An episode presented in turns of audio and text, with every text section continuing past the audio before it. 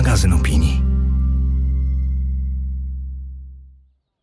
Cześć, nazywam się Zuza Kowalczyk i jest mi bardzo miło, że słuchacie kolejnego odcinka podcastu Apropo, w którym polecam co przeczytać, co obejrzeć i czego posłuchać, aby poszerzyć swoje horyzonty i wiedzę.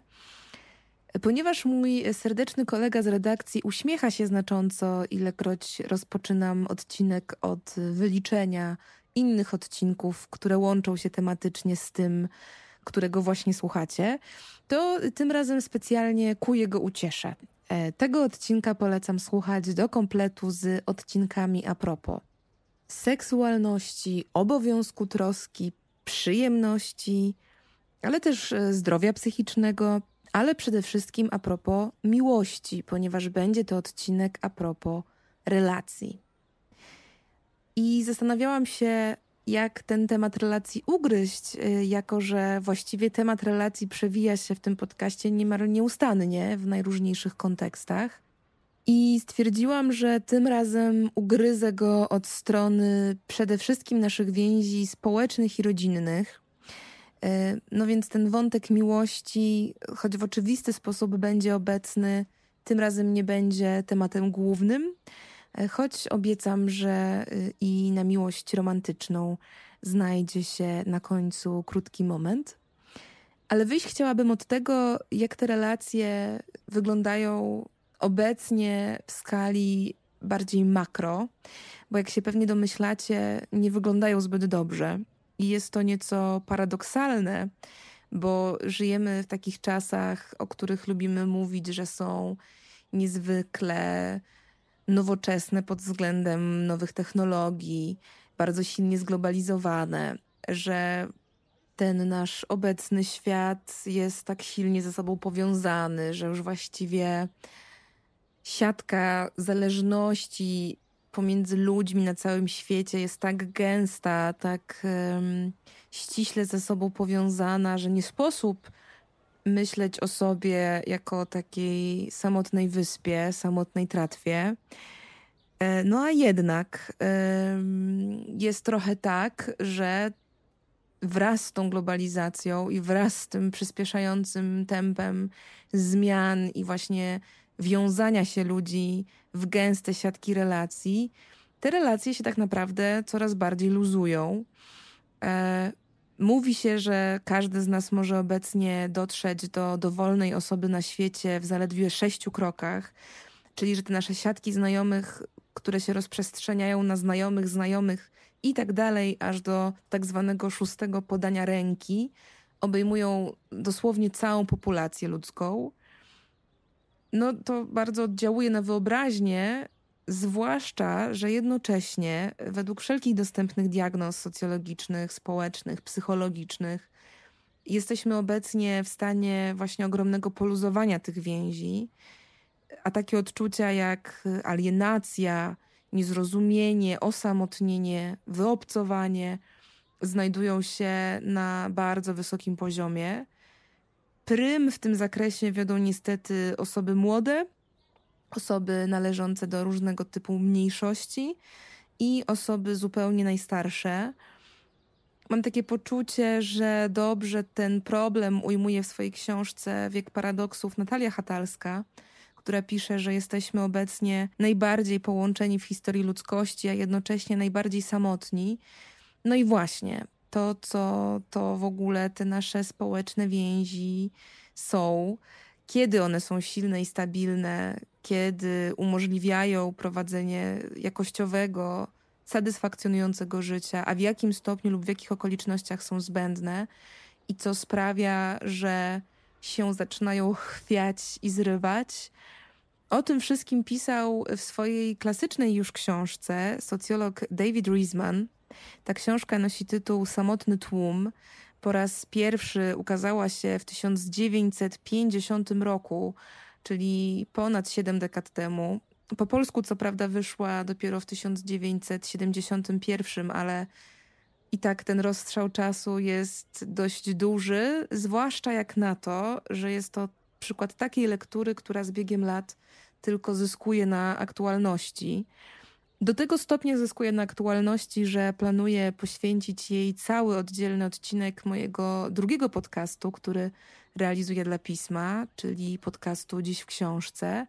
Więc tutaj powiem tylko pokrótce, że e, Rizman opisuje taką e, postępującą degradację więzi społecznych i rozpadu wspólnot, która właśnie prowadzi do tej alienacji i potrzeby odnajdywania autorytetów, nierzadko wśród y, populistów, e, na tle w ogóle konkretnych społeczeństw i konkretnych kultur i tego, jaki typ oddziaływania wspólnoty na jednostkę te wspólnoty albo przekazują, kultywują, albo w ogóle tworzą. I w tych swoich refleksjach y, Rizman wprowadził takie dwa pojęcia, pojęcie zewnątrz sterowności i wewnątrz sterowności. Oba one się odnoszą właśnie do tego, aby określić, co staje się takim najbardziej determinującym aspektem dla naszych działań. To znaczy, czy nasza kondycja psychiczna i własne potrzeby, czy raczej chęć bycia zaakceptowanym przez wspólnotę, a więc inni i ich oczekiwania. Y, te pojęcia zresztą dość szybko posłużyły psychologom do określenia i rozróżnienia kilku typów kondycji psychicznej charakterystycznych dla współczesnego człowieka, y, czyli właśnie człowieka, który coraz silniej odrywa się od grupy, coraz mocniej jest przesiąknięty indywidualizmem, ale jednocześnie coraz silniej czuje się nieakceptowany, więc o tę akceptację zabiega i jej potrzebuje coraz mniej też czuję się powiązany z takimi mikro i makro komórkami czy systemami społecznymi. No i to wszystko w efekcie prowadzi nas właśnie do tego tytułowego samotnego tłumu. Remedium na tę postępującą indywidualizację i takie osłabienie relacji między ludźmi proponuje y, wiele mądrych głosów i głów. Między innymi robi to profesor psychiatrii Daniel J. Siegel, który napisał taką książkę pod tytułem Psychowzroczność. I jest to taka perspektywa, która stawia przede wszystkim na pogłębianie swojej samoświadomości, czyli jest to taka próba pokazania, że właśnie poprzez świadomość siebie, świadomość swoich potrzeb, swoich uczuć, możemy, jak przekonuje Siegel, rozwijać swoją empatię i uważność na innych ludzi, a przez to budować dużo zdrowsze, lepsze i trwalsze relacje społeczne. E, no, Siegel przede wszystkim zachęca do takiego krytycznego oglądu właśnie swoich własnych procesów i kalek myślowych, po to, aby bardziej świadomie kształtować te relacje ze sobą, a w efekcie również z resztą świata. I ta świadomość to jest właśnie ta tytułowa psychowzroczność, czyli taka zdolność do widzenia głębiej, szerzej, więcej. Wydaje mi się to bardzo bliskie, no, y, po pierwsze temu, do czego w ogóle zachęca terapia i psychologia, czyli założeniu, zgodnie z którym, aby trwałe, dobre relacje z innymi móc zbudować, to musimy w pierwszej kolejności zbudować mocną i stabilną relację z samym sobą, ale po drugie wiąże mi się to z refleksją mojej ukochanej Brenne Brown, którą polecałam już wielokrotnie, więc z uporem maniaka polecę ją raz jeszcze. E, ona w swoich książkach o odwadze, e, przede wszystkim o odwadze bycia wrażliwym, e, mówi między innymi o takiej pułapce wysokich standardów, która polega na tym, że jeśli wymagamy od siebie bardzo wiele, to bardzo często wymagamy też równie wiele od innych. I że w efekcie niejednokrotnie przekłada się to na takie, powiem to subtelnie, silne wkurzenie na świat zewnętrzny, na innych ludzi, które wynika z tego, że mamy wrażenie, że inni nie stawiają sobie tak wysoko poprzeczki, że inni mają w dupie innych ludzi, że co z tego, że my staramy się być tacy empatyczni i odpowiedzialni, skoro tylu ludziom tej empatii i poczucia odpowiedzialności brakuje. I to rzeczywiście może zaprowadzić do takiego bardzo trudnego miejsca, w którym jest dużo gniewu, dużo rezygnacji, też dużo rozczarowania. No i właśnie jest w tym również potencjał do zrywania tych więzów społecznych i do zrywania tych relacji, które nas ze światem zewnętrznym łączą. I Brené mówi coś, co może nie jest jakoś niebywale odkrywcze, ale dla mnie jest jakoś bardzo cenne i jakoś bardzo to mocno do mnie przemawia, może też przez to, w jaki sposób ona o tym mówi.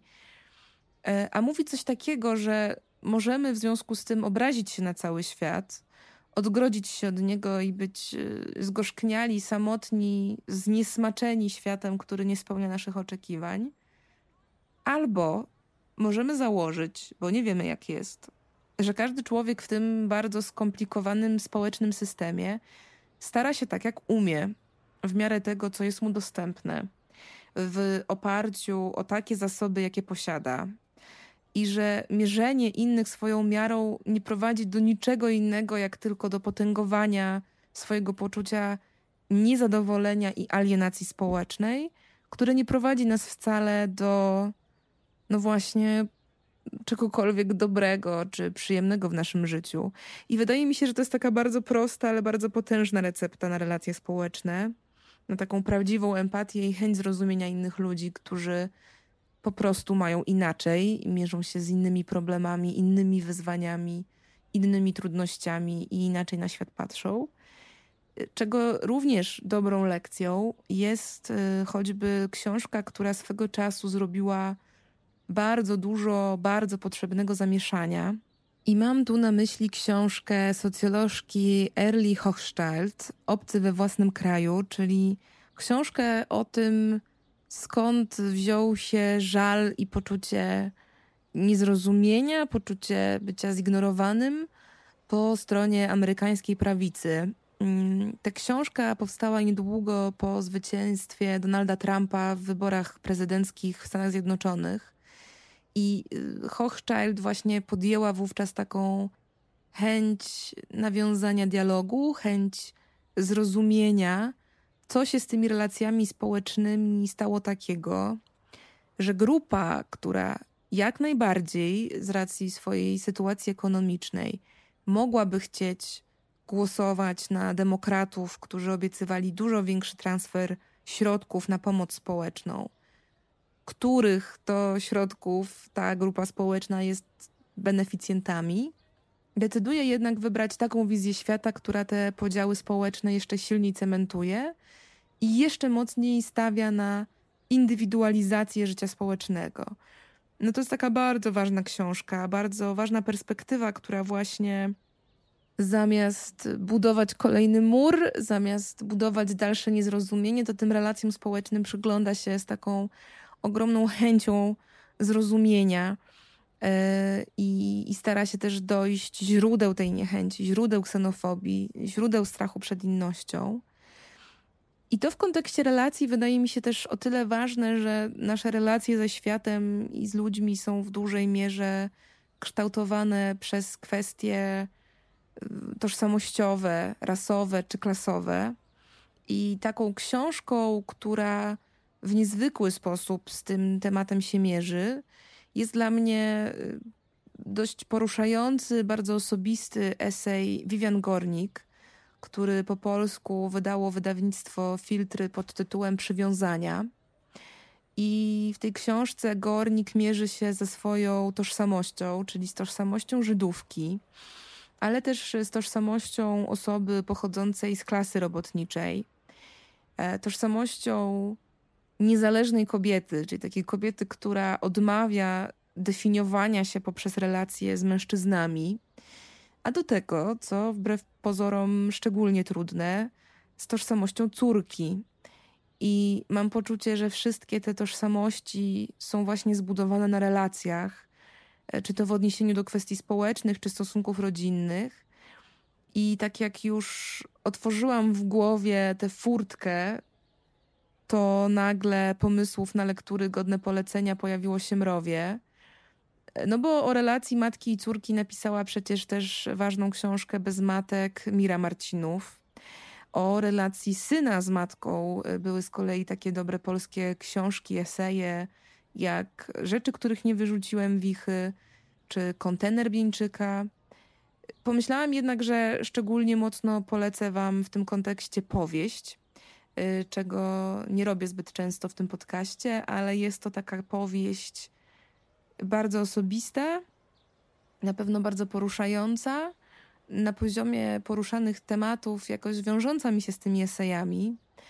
E, książka autora amerykańsko-wietnamskiego pochodzenia, poety i eseisty Oshina Wonga. Nosi ona tytuł Wspaniali jesteśmy tylko przez chwilę. Jest to powieść napisana jako list syna do matki. Tyle, że ta matka nie umie czytać, więc nigdy tego listu nie przeczyta. I może właśnie dlatego ten narrator, bohater odważa się na pełną szczerość i pisze właśnie taki osobisty list o ich relacji, o tym, co łączy właśnie matkę z dzieckiem, dziecko z matką, o tym, jaka siła jest w tej relacji, jakie wyzwania, ale też jak silnie obecne są nawet w niej właśnie te konteksty klasowe i rasowe. I mam takie wrażenie, że tego typu literatura, która właśnie te relacje ujmuje od kilku stron jednocześnie, czyli krzyżuje te kwestie ogólnospołeczne, tożsamościowe z kwestiami osobistymi, rodzinnymi. Wydaje mi się nie tylko jakaś taka pełna i piękna w tej swojej pełności i szczerości, ale też bardzo potrzebna, bo o tym przecięciu kwestii tożsamościowych z właśnie takimi osobistymi historiami bardzo długo milczano. I bardzo długo te kwestie tożsamościowe spychano jako nieistotny kontekst, a dziś coraz więcej pojawia się świetnych książek, które te kwestie tożsamościowe wynoszą.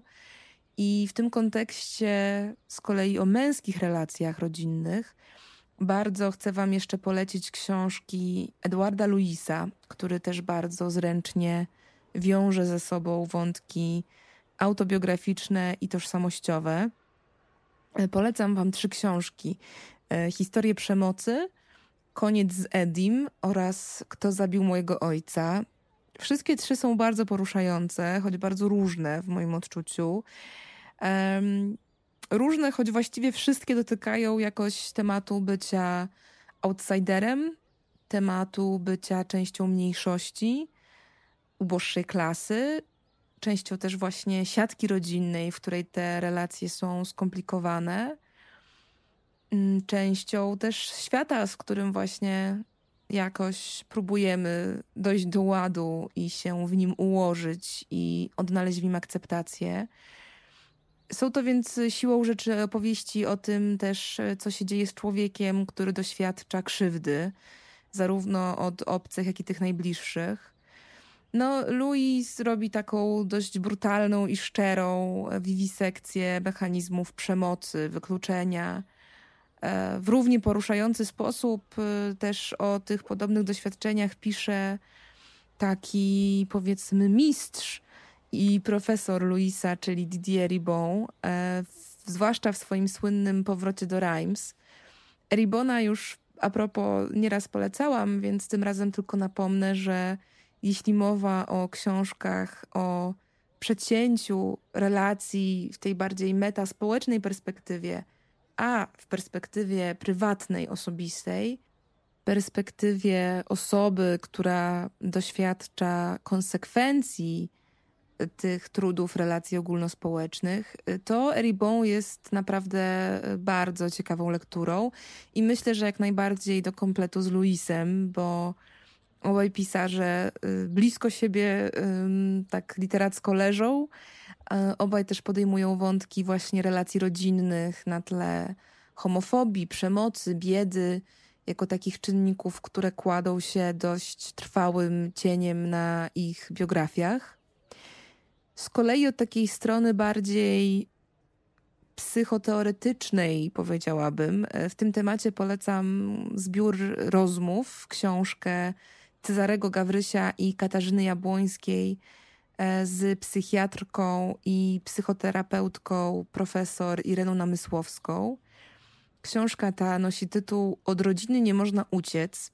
I jest to właśnie książka o relacjach rodzinnych, o tym, w jakim stopniu i w jaki sposób no, one nas kształtują, o tym też, na ile mamy na ten wpływ, no właśnie wpływ, e, to znaczy też ile dzieje się poza naszą wolą, e, zwłaszcza gdzie jesteśmy mali i jak te takie konstelacje rodzinne ustanawiają jakieś nasze poczucie normy, poczucie tego, co uznajemy za swój punkt odniesienia, co nierzadko wcale nie jest dla nas dobre i pomocne.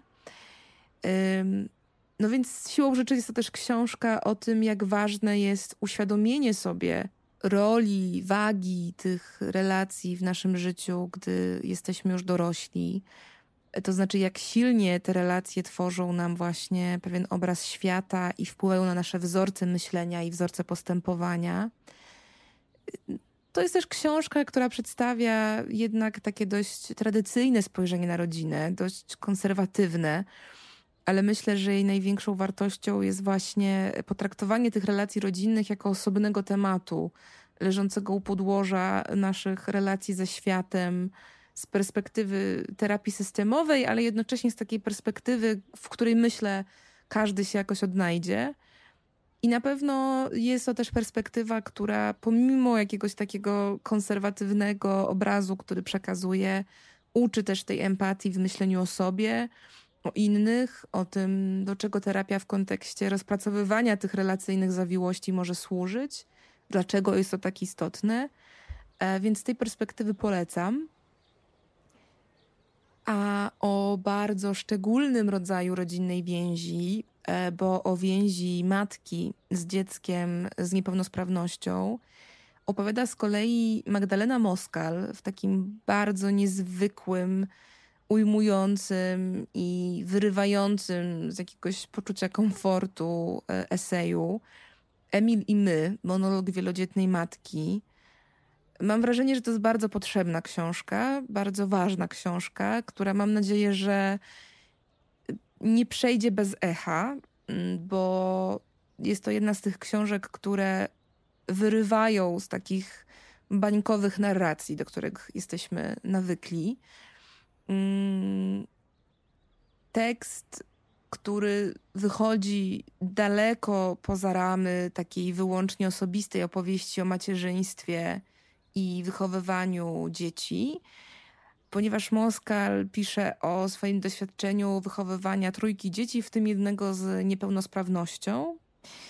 I obok tej osobistej warstwy, w równym stopniu to tak naprawdę staje się historia systemowych niedopatrzeń, takiej ślepoty na opiekuńczą pracę kobiet, historia państwowej przemocy w miejsce pomocy, takiej naszej swojskiej, wiecznie obecnej gdzieś w tle społecznej ksenofobii. Historia bardzo szczera i dlatego też uważam, że bardzo odważna i bardzo imponująca bardzo empatyczna też w stosunku do różnorodności spojrzeń i poglądów. Um, bardzo potrzebna, bo też zwracająca uwagę właśnie na ten wymiar myślenia o relacjach czy o opiece, y, o którym mówi się bardzo niewiele, często tak jakby to było tabu, więc Moskal to tabu rozbija w pył i, i konfrontuje się z tym całym arsenałem trudnych pytań o tą niełatwą relację ze swoim dzieckiem z niepełnosprawnością, o niełatwą relację tego dziecka ukochanego ze światem. No takich pytań też w jakimś sensie egzystencjalnych. Ja mam w sobie jakąś ogromną wdzięczność i szacunek dla autorki, więc naprawdę z całych sił książkę Emil i my Wam polecam.